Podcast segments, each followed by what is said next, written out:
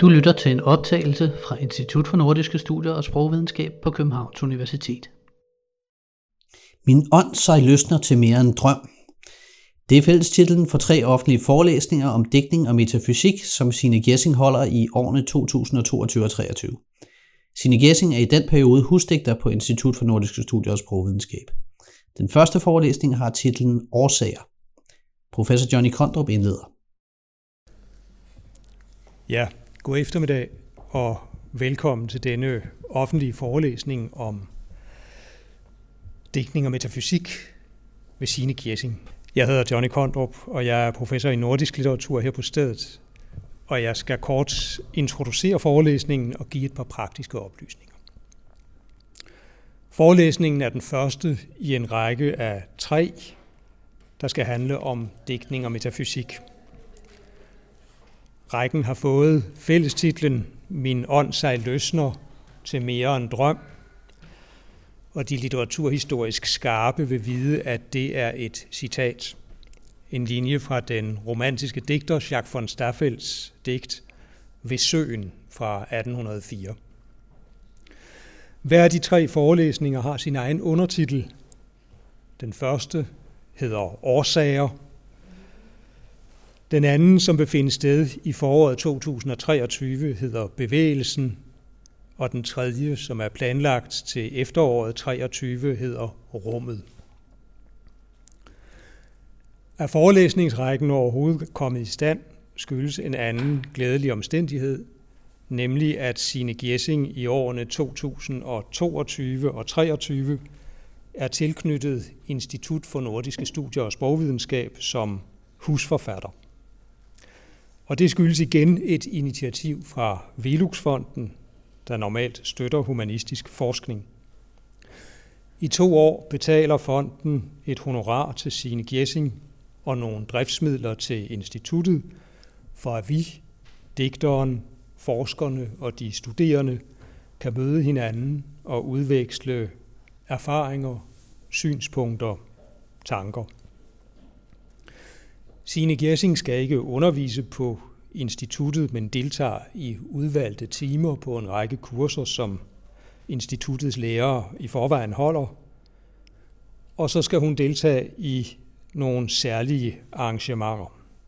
Oplæsning, forelæsninger som denne og et seminar om forfatterpoetik. Sidst men ikke mindst er hensigten med hele arrangementet, at Signe Gjessing skal have ro til at skrive.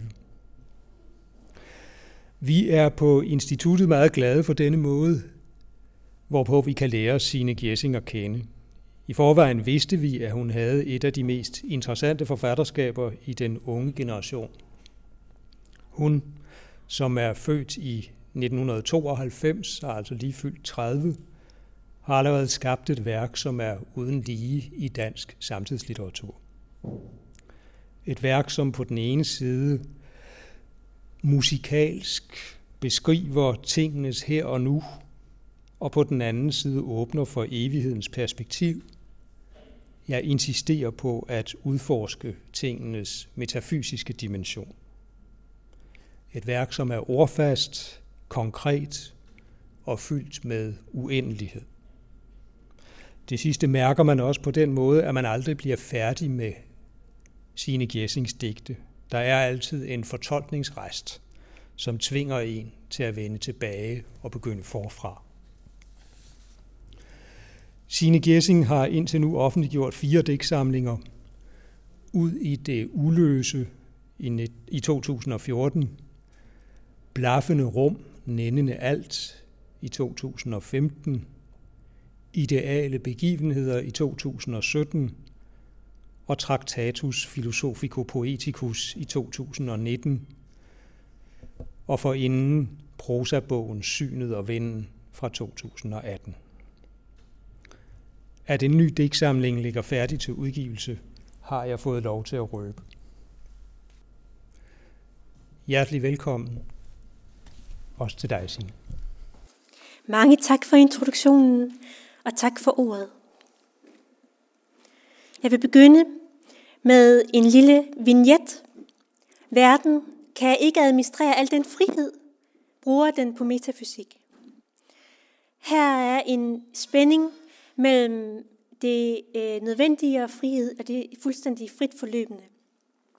Øhm, det at, at på en eller anden måde have et overskud.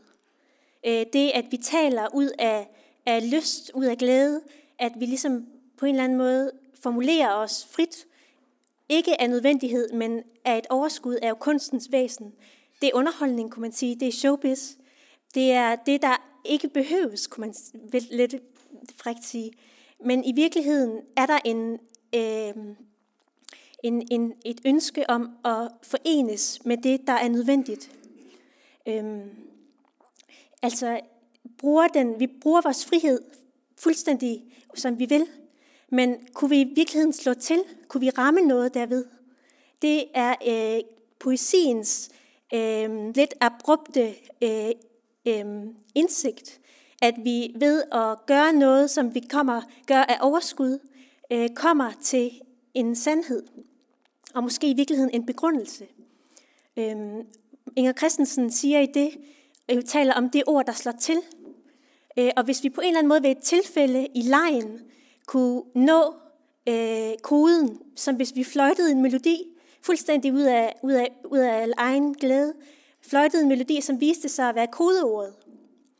Øh, er det muligt? Er det ikke i virkeligheden en lidt overanstrengelse af poesiens væsen, at den på den måde skal slå til? Øh, det er jo en næsten sindssyg øh, tiltro øh, til overskuddet, og det som vi egentlig, behøvede vi det egentlig, kunne man sige.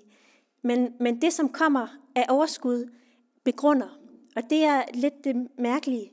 Den her lille tegning har Ludwig Wittgenstein øh, noteret i sin notesbøger, øh, hvor til han siger, øhm, forestil dig, at en eller anden for 2000 år siden havde opfundet den her form, og sagt, at den engang ville blive et redskab til bevægelse. Eller måske, at en eller anden havde konstrueret den fuldstændige mekanisme til en dampmaskine, uden anelse om, at den kunne, og hvordan den kunne benyttes som motor. Hvis vi går, tager udgangspunkt i, at den her lille figur er digtet, øh, som af forunderlige veje begrunder verden, øh, var det overhovedet hensigten? Øh, det her lille ord bro er jo et lidt udskældt ord i forhold til kunst, hvor man gerne i en nykritisk tilgang ser kunsten som øh, noget nytteløst, eller noget, noget ikke nødvendigt, altså noget, som ikke skal bruges til noget, men som er kunst for kunstens skyld. Øhm, der er to veje at gå med det her lille ord brug. Man kan sige, at vi bruger vores frihed på det, vi bruger vores kræfter på det, vi anvender noget, eller man kan sige, at vi har brug for. Og det er ligesom den ene vej er, er overskuddets vej, og den anden vej er nødvendigheden, frihedens vej og nødvendighedens vej. Øhm. Til det vil jeg øh, læse et lille stykke fra Edith Sødergrens digt, Farvernes længsel. Hvis du tørster efter skønhed, skal du lukke dine øjne og se ind i dit, i dit eget hjerte. Og her har vi faktisk her har vi det at have brug for. Øh, hvad er kunstnerisk nødvendighed? Jamen det må jo være en tørst, en længsel, en trang, jeg har brug for. Øhm, og, og Edith Sødegren siger her, at alt hvad vi kan, øh, alt hvad vi længes efter, har vi allerede selv. Vi kan, vi kan skabe det. Og det er jo poesiens skabende kraft. Øhm, hvis vi tørster efter skønhed, kan, skal du lukke dine øjne og se ind i dit eget hjerte. For mig at se er det det selvforsynende. Der er en, en optimistisk tro på sproget, som hedder, at vi kan tilvejebringe det, som vi har brug for. Vi, vi har det selv, vi kan bare skabe det. Øhm, til det har jeg et lille, et lille billede, som øhm, kommer fra Ud i det uløse. Det er øhm, slutningen på et digt, og jeg vil kun læse det lille sidste stykke. En køkkenhave, der vågner i færd med at læse alle frøene ud i intet, fordi den i drømmen var en trillebør, er for udmattet til at spørge stjernerne, om de ikke vil være med i en metafor. Jeg vil gerne, hvis der ikke er andre. Min fingerede henkastethed bobler over, og jeg er allerede en blæne på alverdens tungemål. Øh, en køkkenhave, der drømmer, er for mig et billede på øhm, digtet. En køkkenhave som det selvforsynende, der, der, hvorfra vi, vi tager, hvad vi har brug for. Og, øh, og den, der drømmer, altså drømmens illusoriske tilstand, er den øh, tidlige fase i, skrift, i skrivning. Øh, det er den apolinske øh, model, som øh, er et slør for en virkelighed, som, ikke, som vi ikke mener alvorligt, men som vi alligevel tager så alvorligt, fordi det skal begrunde vores virkelighed. Øhm, at, at, øh, at man tager, hvad man har brug for, øhm, kan man også eksemplificere ved nogle små citater fra en singer-songwriter. Øhm, Homegrown is a good thing. Plant that bell and let it ring. Og øh, klokken her er jo øh, kunsten, musikken øh, af Neil Young. Og en italiensk surrealist øh, maler. Jeg maler ting, som ikke findes, og som jeg gerne vil se. Leonor Fini og Paul Borum, der siger, ikke kunst for kunstens skyld, kunst for min skyld. Øhm, dertil kan man komme med et, endnu et lille citat af Ezra Pound, hvor han siger, øhm, et kunstværk, eller skulle man sige en kunsthandling, kan nydes i det omfang, kunstneren har skabt det for at fornøje sig selv. Så hele det her, men spørgsmålet er, hvornår bliver det universelt, når man bare gør det for sin egen skyld? Og, øhm, og til det øh, kan man naturligvis sige, at der er en udforskning af et rum, som man tager del i, og som man ikke ejer selv. Øhm, men det kræver, at vi, vi investerer vores egen øh, sjæl og vores, vores, vores, os selv i det. Øh, der er en, en kinesisk øh, lille vignet, som, som taler om en pottemager, som manglede det sidste til sin glasur. Og den glasur var ham selv, så han smed sig ind i ovnen, og, øh, og at man ligesom øh, som digter offrer sig med sig selv ind i det universelle. Øhm, nu er det jo ikke bare for at tale om, hvad digteren har brug for, at jeg nævner de her ting. Det er fordi, der ligger et sprogsyn gemt i det. Nemlig et spørgsmål om, hvorvidt vi er i stand til at reagere på vores verden, og hvordan vi gør det. Øh, fordi der er jo den tilgang, som hedder at spejle verden. At, øh, at vi på en eller anden måde sætter spørgsmål til debat, og, øh, og, og viser, hvordan verden ser ud ved at kopiere den. Øh, men der er en, en vis øh, melankoli i den tilgang, som, øh, som jeg egentlig synes, øh, man prøver, at man, hvis man virkelig mener noget med øh, reaktionen på virkeligheden, så er der en, en, vis, en vis resignation i forhold til kunstens rolle øh, i spejlingen, hvor jeg tror på, at, øh, at vi på en eller anden måde kan reagere på virkeligheden ved at, at komme med det, der, det, vi ikke har endnu. Og det er visionær poesi. Øh, Inger Christensen siger, sådan er verden nu indrettet, sandheden mangler. Og det, der mangler, hvad mangler i verden? Øh, stjernerne mangler. De er meget, meget langt væk. Det hinsides er her slet ikke. Det uendelige har vi slet ikke stiftet begreb med endnu, eller stiftet bekendtskab med endnu. De her elementer er øh, fjerne fra vores virkelighed. Så ved at gå i et med de elementer, kan vi tilvejebringe dem. For at skriften skal have agens, må den have substans. Og for at have substans, må den gå i et med sig selv.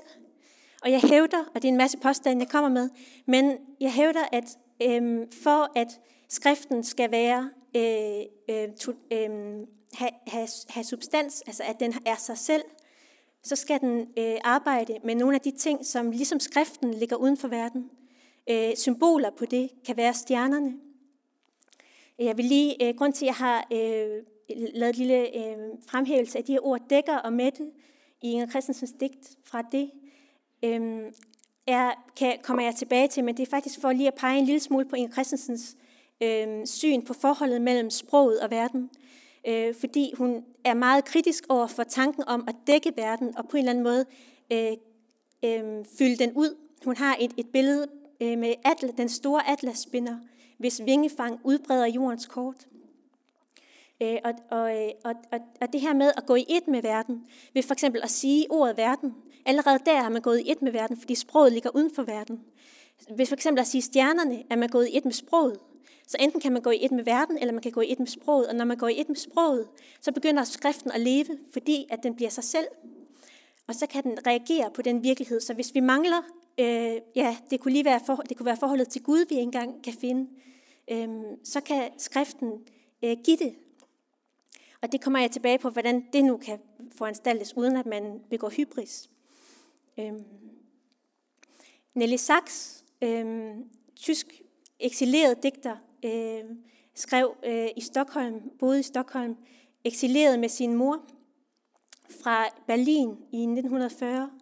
Øhm, lige på den dag, hun blev øh, indkaldt til koncentrationslejr, fordi hun var jødisk, øh, er for mig at se et, et meget godt eksempel på en digter, der øh, går i et med øh, stjernerummet, hvor digtet smelter sammen med stjernerummet, og hun skriver om fortrolighed.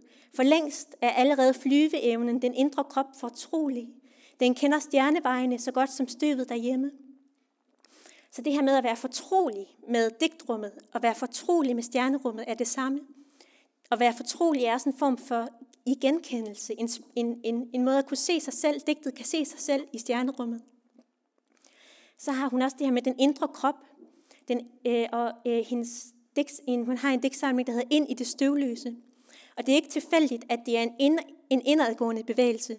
Øhm, og det kommer, jeg, det kommer jeg også til at tale lidt mere om senere, men det handler om, at vi på en eller anden måde må gå fra virkeligheden for at komme til den. Vi må trække os indad øhm, i første omgang, og derved vil der være en, en membran, en udveksling til den ydre verden. Øhm, jeg hævder, at øh, ordet øh, skaber rummet. Ordet stjerne skaber øh, et digtrum. Øhm, og, øh, og, og der står her i Blaffen Rum nændende alt, som jeg har udgivet i, i 2015. Hen ved hver sjette afstand er en afstand mellem et uopnåeligt punkt og et sted i rummet. Jeg tager et skridt. Et skridt er at tage forskud på afstanden og bruge den op med det samme. Forskuddet øsles væk på verdensrummet, der er blevet så udstrakt af skridt. Så det enkelte skridt og den enkelte ord definerer rummet. Øhm. Og Inger Christensen skriver om, øhm, om at træde stien, mens man går. Øhm, det er her, i det man forstår, at broen skal bygges, i det man bevæger sig, at man må vælge sine ord med omhu. Øhm, og det her med, og, øh, og der står, øhm, jeg vil se, om jeg kan finde det rigtige sted. Men hun taler i hvert fald om, at man går ud i rummet, uden at vide, at der er et rum, og uden at vide, at der er en bro. Og jo, hver gang man tager et skridt, så bygger broen med. Øhm, og øh, jeg har et sted i min, i min debuteksamling, hvor der står, mure uddeles. Mure er, skrabes, mure er skrabelodder, der uddeles af kastede brosten. Og hvis vi ser for os muren som en definition af rummet, øh, og brostenen som det enkelte ord, så uddeler de her enkelt ord skrabesedler, øh, som er de her mure. Og et skrabeseddel er jo netop det, at man skraverer noget, der allerede er der, øh, for at gøre det synligt. Og det er det, sproget gør, det er det, ordene gør. De, de skraverer noget for, at rummet træder frem. Øh, og hvilket rum er det så? Det er et indre rum.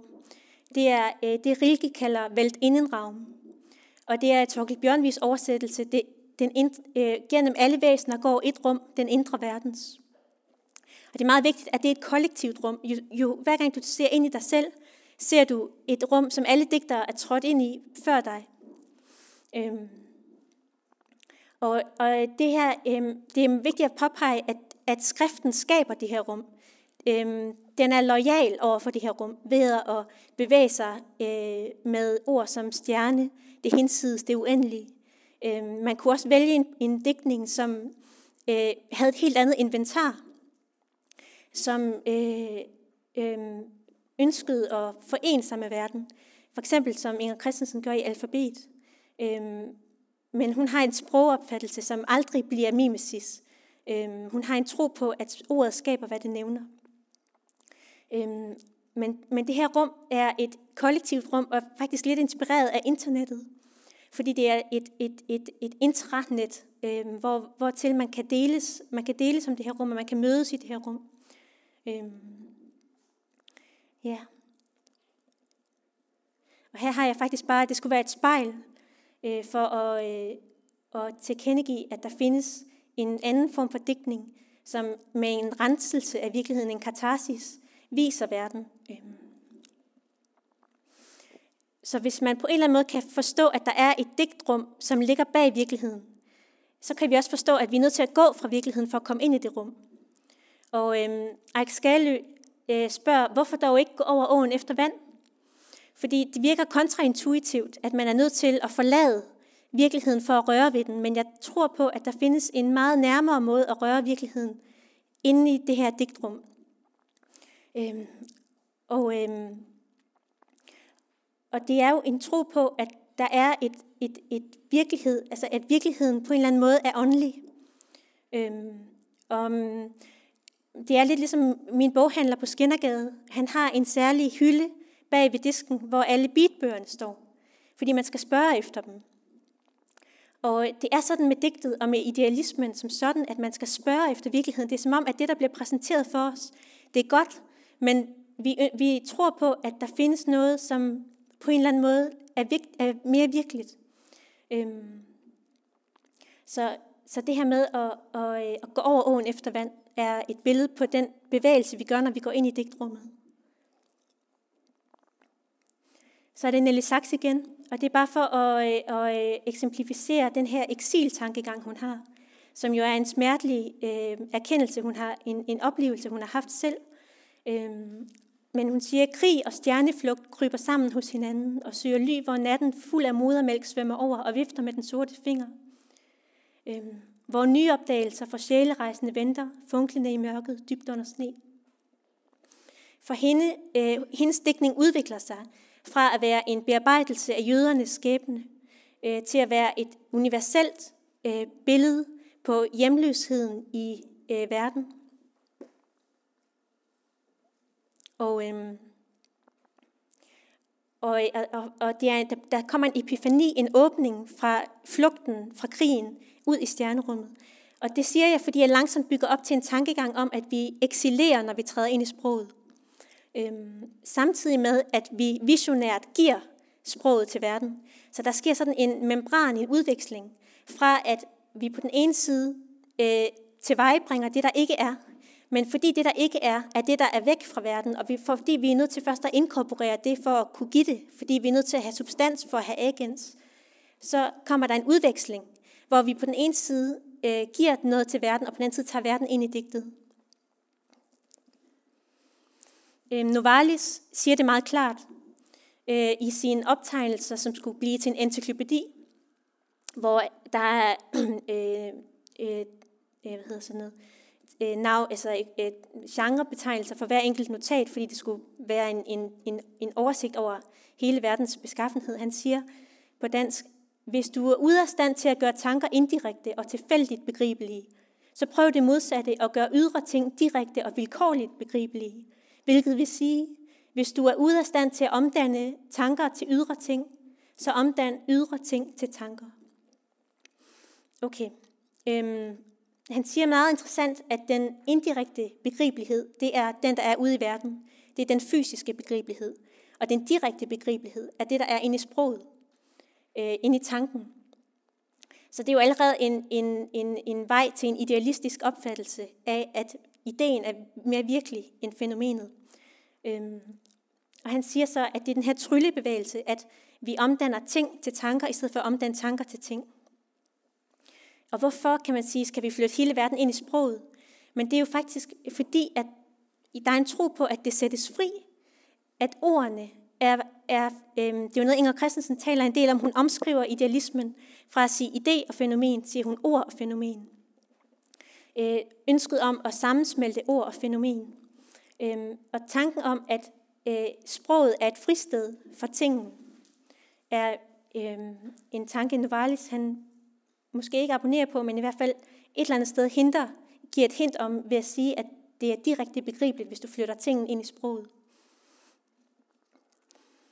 Øhm, Jacques von Staffeldt øh, siger øh, til det øh, lidt det samme. Han siger, straks fantasien til bedrag er reddet, og stiller mellem skabningen og os, med magisk snedighed sit basrelief, som før Pygmalion med Elskovs lurer, sin kunstestøde marmor datter rundt, omringede til stenen ved hans barm, at vi ånde føle elske lærte, så vi, kun omvendt sande væsener, forvandle ak til kunstens idealer. Han siger, at det er den samme, altså Staffel er jo også idealist, øh, og, øh, men har sådan en, en, en, en øhm, bedrøvet, han er, sådan, han er lidt en bedrøvet idealist, der ikke helt kan finde ud af, om det i virkeligheden er det vigtigste i verden, at vi forlader tingen og går til ideen, eller om vi svigter ideen, om, om der er sådan en, øh, et vist forbehold over for sprogets øh, alt for store beføjelser i forhold til virkeligheden. Novalis han siger jo, digteren er den øh, geniale øh, menneske. Poesien er den absolute realitet. Altså han er ligesom en, der går op i sit arbejde, han gør det så godt han kan. Han, han, han, han bruger, slår, strør sig om sig med superlativer i forhold til poesien. Men Starfeldt, han føler sig på en måde eksileret både i jorden og i himlen, eller i hvert fald i ideen. Han føler, at der er sådan en, en vis kølighed for Starfeldt, en vis ensomhed i sproget. Øh, men han siger senere noget helt modsat, som vi også kan bruge. Øh, men i hvert fald det her med at forvandle sande væsener til kunstens idealer. Øh, det, det er i hvert fald et sprogsyn, at man flytter tingen ind i sproget. Øh, Helene Johanne Christensen, som har skrevet en digtsamling, hedder Sammenfald i 2021, siger, Ordene klæber til virkeligheden som glansbilleder i en grøn mappe, hvor limen, der skulle holde billederne fast, er begyndt at slippe. Det er det modsatte sprogsyn, og man kan tale om begrebsrealisme. Altså, tror man på, at navnet har, er, er, er, har et begreb i sig selv? Er det virkeligt i sig selv? Eller er det bare noget, man klæber på virkeligheden, så det falder af med det samme? Øh, og, og det, jeg fortæl, taler om her, det er jo et begrebsrealistisk sprogsyn, hvor øh, ordet får virkelighed ved at blive nævnt. Og det er også noget, Inger Christensen taler om i, i digtsamlingen. Det er ord alt sammen, hvor, hvor aboriginals går i den australske jungle og benævner alting, øh, for at det skal få virkelighed. Men her er Helene Johanne Christensen abonnent for øh, et andet sprogsyn, som øh, på en måde er en lille smule øh, æres, altså en lille smule øh, altså afmægtigt i forhold til virkeligheden. Og hvor står Inger Christensen så i det spørgsmål? Øh, hun står et, som sædvanligt meget øh, altså, dobbelttydigt sted, øh, eller dobbelttydigt med en god, på en god måde. Altså hun, hun har sit helt eget udgangspunkt, fordi hun siger, hvem ved, om granatæblet ved med sig selv, at det hedder noget andet. Og her er på en måde en både og. Altså på den ene side findes der et sprog, som ligger dybt inde i granatæblet, som granatæblet kun har adgang til, hvilket jo for mig at se er en positiv sprogopfattelse, en tro på, at sproget har realitet, og at den ligger dybt inde i, i naturen og i, i, i, i fænomenerne. På den anden side har vi ikke adgang til det. Øhm, det er i virkeligheden noget, som, som vi som mennesker er udelukket fra. Øhm, hun siger også et andet sted, øh, sig mig, at tingene taler deres eget tydelige sprog. Og det er jo lidt det samme, øh, at, at tingene selv taler. Øh, og hun siger så et, et tredje sted, vi kan ikke adskille sproget fra virkeligheden, uden at virkeligheden, eller verden, siger hun, uden at verden adskilles fra sig selv. Så øhm, det er helt tydeligt, at hun ikke har den her staffældske opdeling mellem idéverden og, og fænomenverden. Det siger hun altid, altså ustandsligt nævner hun, at sproget er infiltreret i biologien, øh, men hun har alligevel den her tanke om ord og fænomen, som jo er lidt platonisk. Øh, men hun stiller sig der, og jeg tror også, det har noget at gøre med et forbehold. Fordi hun taler meget om leg. Øh, hun taler meget om det i Sommerfugldalen. Hun siger også, øh, at, at, øh, at øh, de her øh, sommerfugle, de leger solskin i den mørke nat. Og hun taler om det i digtet her. Det er døden, som med egne øjne vil se sig selv i mig, som er naiv. En indfødt, som er bundet til den nøgne selvindsigt i det, der kaldes liv. Jeg leger derfor gerne skovhvidvinge og sammensmelter ord og fænomen. Jeg leger perlemåler for at bringe alverdens leveformer ind i en. Så jeg kan svare døden, når den kommer. Jeg leger sandrandøje, tør jeg håbe, at jeg er billedet på evig sommer. Jeg hører godt, du kalder mig for ingen, men det er mig, der svøbt i kejserkåbe, ser dig an fra sommerfuglevingen. Øhm, vi kunne tale, jeg kunne tale længere om det her med lejen, men for hende er det en måde ikke at blive, øh, ikke at nænde ikke at gå over grænsen til virkeligheden. Og det er jo øh, meget klogt af hende, fordi hun, den, den virkelighed, hun så, så meget søger i sproget, får hun ved at give afkald på den, ved at sige, at det er jo bare en leg, det er jo bare kunst. Øh, det, det jeg kommer til at tale om, er øh, det krav om virkelighed, som ikke er lejen, som er en hallucinatorisk identifikation mellem ord og ting. En tro på, at vi i sproget kan virkeliggøre verden. Og, øh, og Inger Christensen stiller sig et lidt andet sted der. Øhm, og hvad vil det så sige at virkeliggøre verden? Nu har jeg sådan lidt selvcentreret sat et billede af min egen bog, men det er egentlig bare fordi, at jeg vil tale om den her linje ideale begivenheder. Det er i virkeligheden noget, der igen stammer fra Novalis. Øh, han siger, at der findes en række ideale begivenheder, som løber parallelt med virkeligheden. Sjældent falder de sammen. Og øh, filosofen Gilles Deleuze har brugt det lille citat, eller den her begreb, øh, ideale begivenheder, til en lidt speciel størrelse, som for mig at se er meget øh, øh interessant, hvis man påfører det på sproget. Øh, det, er, det er de her øh, quasi-årsager. Og en quasi-årsag er åbenbart, ifølge Deleuze, en årsag, der kommer efter virkningen. Det vil sige, at vi har øh, øh, virkningen, og så benævner vi den, præcis som Inger Christensen benævner, øh, eller som hun taler om de her australske aboriginals, der benævner alle tingene. Og ved det får de virkelighed. Så sproget, der jo kommer for sent, altså alt, vi, vi er jo sådan helt intuitivt enige om, at, at verden er her, og så begynder vi at tale om den. Men i den bevægelse at komme for sent, har vi alligevel adgang til nogle årsager. Vi forårsager verden. Lidt som jeg begyndte med at sige, at der er et overskud, der bliver til metafysik, et ord, der slår til. Øhm. Så de her quasi-årsager er for mig at se et billede på ordene. Ting, årsager, eller øhm, årsager, der kommer efter virkningen. Og så igen, øh, Staffel har indtaget en lidt anden position igen. Han siger, øh, hvor til det virkelige sit liv og sit kunstværk befester, ligner hin urtegårdsmand, sikkert han vanvittig var, da han de spæde planter med toppen i jordbunden satte, og dog ikke begreb, hvorfor de alle slog fejl. Billedet, tingens rod i det dybe, evige liv er, tingen som vekslende løv falder i tiderne af, derfor begynd ej fra den. Læg dig ej selv i lænker, som, kun, som du kun give skal selv uindskrænket og fri.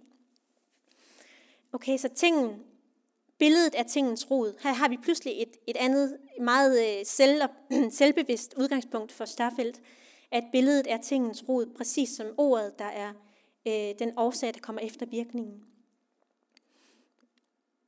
Øhm, der er jo også den første årsag, verdens årsag. Øh, og hvordan forholder denne lille bitte årsag, som sproget er, hvordan forholder den sig til den første årsag? Øh, igen, Inger Christensen øh, har i sit essay, Verden ønsker at se sig selv, øh, et billede. Ja, øh, hun siger kun, øh, hvor skal vi starte? Nat efter nat suspenderes tiden på det eneste helt konstante sted i vores menneskeliv, som ligger udbredt nøjagtigt der, hvor drømmedybet og verdensdybet mødes. Kun hvor disse to absolute dyb berører hinanden, svimmelt roligt opstår billedet. Ikke drømmebilledet, ikke verdensbilledet, men billedet af verden. Ikke af en verden inde i verden, men af verden i sig selv – i måden at være verden på. Genfødslen, renaissancen som absolut drøm. På syv nætter skabte verden Gud. Hvis man i kunsten efterligner virkningen af den absolute drøm, er man meget tæt på at bringe årsagen som sådan tilbage. Okay. Øhm, det er jo en lidt øh, dristig tilgang til skriften og sproget, at vi kan falde, falde i et med årsagen, den første årsag. Men selv Grundtvig er faktisk inde på, øh, at øh, Guds ordet ligger i menneskeordet. Og vi ved jo alle sammen, at Guds ord er det verdensskabende ord. Men uden at skulle gå for langt ind i det her, så vil jeg bare sige, at det kræver en stor ydmyghed forbundet med så stor dristighed. Øh, og det er for eksempel derfor, jeg har kultiveret en, øhm, en, en øh, tautologisk måde at skrive, altså et forsøg på at skrive tautologisk, som også er inspireret af Wittgenstein, øh, for at, at sige så lidt som muligt eftersom der i virkeligheden er så, så, så meget, fordi at der er skabelsen i ordet. Så vi kan ikke sige lidt nok, altså vi, vi, vi må ikke sige særlig meget, fordi at der er den her helt ufattelige potens i skriften. Øh, Wallace Stevens siger, digtet forfrisker livet, så at vi deler et øjeblik den første idé. Det tilfredsstiller troen på en ubesmittet begyndelse. Og det er jo bare en, en øh, kommentar til, øh, Inger Christensens essay. Ikke at han kendte det, men som jeg ser det. Øh, nu vil jeg ind på noget lidt andet, og jeg skal prøve at gøre det kort, så jeg læser ikke hele digtet op, men jeg siger bare, at rosa bladlyst, nej undskyld, kirsebærblomster hober sig op til stjernehåbe, de forveksles som to mapper. Og de her to mapper, det minder mig om sådan et tegneseriebillede, Anders Sand og, og Bjørnebanden, der, der forveksler to øh, øh tasker. Og i den ene er alle prins, øh, øh, prins Joachim, øh, Joachim, onkel Joachims øh, guldmønter, og i det andet er et par trusser eller sådan et eller andet. Og, og det er sådan et Anders Sand billede. Og det samme er det her, vi saver i uendelige gulve, det her med at save op igennem gulvet, det er også sådan et tegneseriebillede. Hvorfor er det det? Jamen det er det, fordi at i tegneserier, der skifter der hele tiden billeder. Og, øh, og for at en ideal poesi skal øh, bevare sig frisk og på en eller anden måde holde ideen inde i ordet, så skal der ske et skift konstant. Øh, og det er igen den, den initierende skriveproces, der har den her. Det er den umiddelbare skrift. Den, den første, første fase af digtningen har en utrolig stor høj grad af øhm, konstant skiften. Øhm, og øh, hvorfor, kan man sige, altså det har også noget at gøre med at bøje af, øh, og det har noget at gøre med metaforen. Øh, fordi metaforen er øh, the, the go-to til at øh, transcendere sig ind i bevidsthedsrummet. Fordi at der er to dele, der, der foldes om, over mod hinanden, og man kan gå fra en verden til en anden verden ved at sige, øh, jeg ligger øh, i min skygge som en violin i sin sorte kasse. Jeg ligger der, og så som en violin i sin sorte kasse. Der er to virkeligheder. Og hver gang man bruger en metafor på den måde, så bevæger man sig faktisk ind i et forklaret rum, et bevidsthedsrum, som vi alle kan forstå, og som vi mener alvorligt, i forhold til, hvad vi ikke mener alvorligt. Øhm, så derfor har jeg sagt, taget Nelly Sachs med igen. Havtegnet har du båret herhen, forvredet i længselens skruestik. Øhm, det her tegn, der bøjes, har jeg også med i min øh, tredje digtsamling, Ideale begivenheder, hvor der står, ledigt tegn befolkes af en hel verdensrumsfamilie, som det skal betegne. Et svungent. Vi ser det på vores vejerdrejer derhenad. Øhm, og i Blaffen Rum, min anden bog, øh, står der, universets bakker er højde, der drejer af, fordi den er ved at kollidere med horisonterne. Der er blevet flere bakker, fordi verden er mere fej. Øhm, og den lige højde kolliderer med horisonten som en plastikskål med sandkassen. Horisonten er også smuk i ikke fast form, hvis den strøs ud. Et hvid har det så fantastisk i bakkerne, fordi tankerækker er leddelte, de manøvrerer i buer. Tankesæt former sig altid efter den næste bue, har det ikke nemt med lange lige stræk. Øh, og de her lige stræk er antitesen til den initierende dækning, der har de her konstante skift. Og det er altså det, som vi kunne tale om som universets bakker, der drejer af. Og hvad vil det sige? Det har noget at gøre med metaforen igen. Øhm, vi har et, et eksempel på en metafor, der bevæger sig som en afbøjning af sig selv. Elskede, hvad det jeg skal sige, det er Sylvia Plath øh, fra 1962, øh, et af hendes sidste digte. Elskede, elskede, de lave røgskyer ruller fra mig som Isidoras skærfer. Jeg er så bange for, at et af skærferne vil gribe fat og forankre sig i hjulet. Og det, der sker her, er en hallucinatorisk, næsten vrangforestilling af identifikation mellem det ene og det andet lag i metaforen. Fordi hun begynder at tale om, at hun er bange for, at de her skærfer vil, gribe, fat i hjulet, men hun har jo lige sagt, at det er som skærfer. Øh, men det er hun fuldstændig ligeglad med. Øh, og, øh, og jeg har det også i, i, i et af mine digte, hvor jeg siger, øh, det er det samme, der sker her, nu vil jeg ikke lige læse det højt, men øh, det samme sker, hvor man, hvor man identificerer øh, øh, den ene del med det andet, og, og, og det, er, man, det, er, det skal ses med henblik på ikke at gå ind i bevidsthedsrummet, men blive i den, i den umiddelbare dækning. Og nu er jeg kommet til Gunnar Bjørling, øh, fordi han er et, et fantastisk eksempel på en poesi, som allerede i grammatikken, eller i semantikken, øh, hele tiden skifter. Øh, og han har en tanke om det ufuldstændige, og den evige konstant, eller den uendelige tilblivelse i digtet. Og man kunne sige, at øh, i det her digt taler han faktisk om de lange lige stræk. Han siger, øh, i langt søgende, i langt søgende, nej, ikke at vente, jeg vil at væksende langt ud. Jeg vil at øh, det, øh, væksten, eller jeg har faktisk ikke oversat det, øh, men søger langt ud, eller for nu at oversætte hans sprog, som er så abrupt. Øh, men men altså, han har det her ufattelige lysdækning, øh, og, og det er øh, for mig at se, øh, fordi at han, han aldrig nogensinde går langt ud. Altså han, han, går, han laver aldrig de her lange rødder, de her lange linjer. Han, han stopper sig selv konstant. Man kunne også sige, at han åbner sig op mod det uendelige i hvert eneste ord. Øhm, så det, det her har jeg med for at, at, at tale om den initierende digtning. Og så har jeg en lille teori om, at sproget er et aktiveret navn. Øhm, at, øhm, at ord, at substantiver og verber kommer af hinanden. Øh, og at, at substantiver øh, og navne egentlig udgør substansen i forhold til sproget, og at sproget er en uforanderlighed, som forandrer sig. Øh, og at absolutter plejer uforanderlig omgang med det foranderlige i sproget. Så hvis man forestiller sig, at sproget bevæger sig hele tiden, men at det er en stasis, som bevæger sig. Og det er igen den her tanke om idealismen, ideen, at, at ideen er det vigtigste for sproget. Inger Christensen har et interview med Peter Øvig Knudsen, hvor hun nævner, at hun kunne også have skrevet sommer, planetens sommerfugle stiger op. Øhm, men det gjorde hun jo ikke. Hun vælger at inddele det i bevægelsen og substantivet, i verbet og substantivet. De stiger op, planetens sommerfugle. Øhm, så har jeg, jeg har taget Eval med, egentlig bare på grund af den, den springende val mod solen. Øh, fordi jeg har en tanke om, at øh, sproget skal sættes fri. Øhm, som vi sætter polerne fri ude i den rene magnetisme, hvor de kan være frie vilde poler, taler vi. Så der skal ske en, en opdeling fra idealisme, altså fra sprog, sproget til verden, at de to så øh, størrelser ikke falder sammen, men øh, sættes fri. Og jeg har, altså, øh, sprog, når det forvalter virkeligheden, når det fortolker virkeligheden, så er det som en forarbejdet frugt. Og forarbejdet er den giftig. Så begynder vi at stille spørgsmålstegn ved øh, de fortællinger, vi gør os om hinanden, øh, i, i stedet for at øh, have en ren frugt, som ikke er forarbejdet. Netop sproget, som ikke forholder sig til virkeligheden, men som bevæger sig med sig selv. Øh, og, øh, og, og, og det er jo en, en idealistisk tankegang, men kan bruges som en poetik.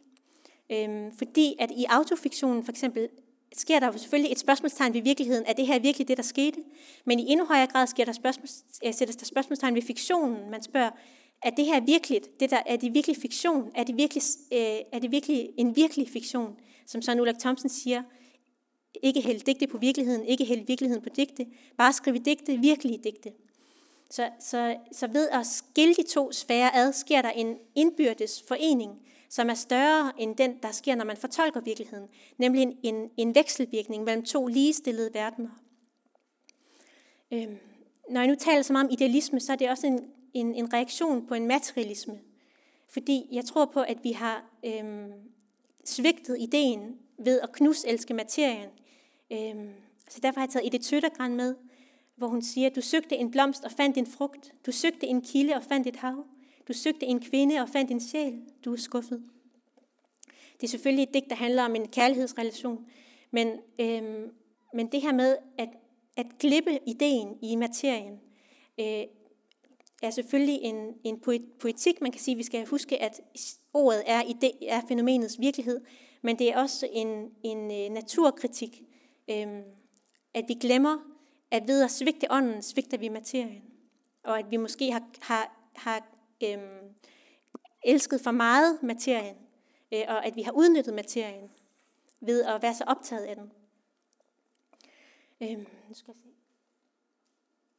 Så kan jeg lige nå at sige til sidst, at øhm, der findes det, der hedder nøddåb, hvor et lag, lagfolk kan døbe et barn, øhm, hvis der ikke er en præst til stede. Og derfor vil jeg øh, øh, tale om, at poesien har den beføjelse i, i krisesituationer, øh, i nødstilfælde. Øhm, og derfor har jeg skrevet et engangsvælv smides efter brug ud. Sådan noget svineri. Engangsvælv på engangsvælv på engangsvælv.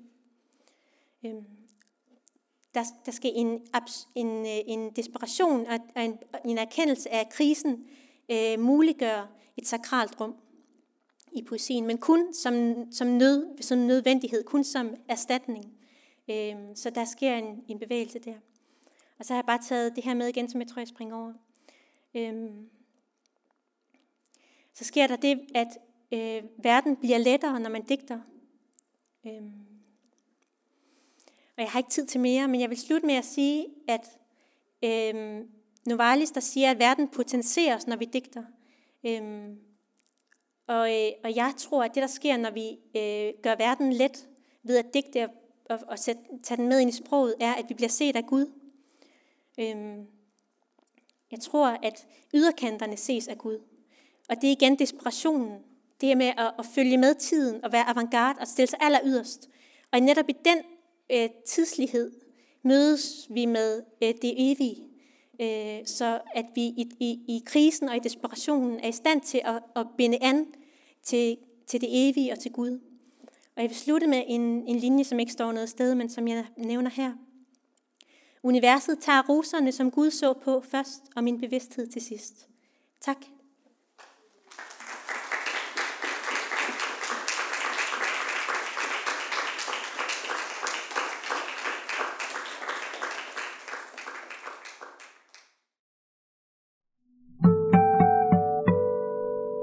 Lyttet til Lyd fra Nords.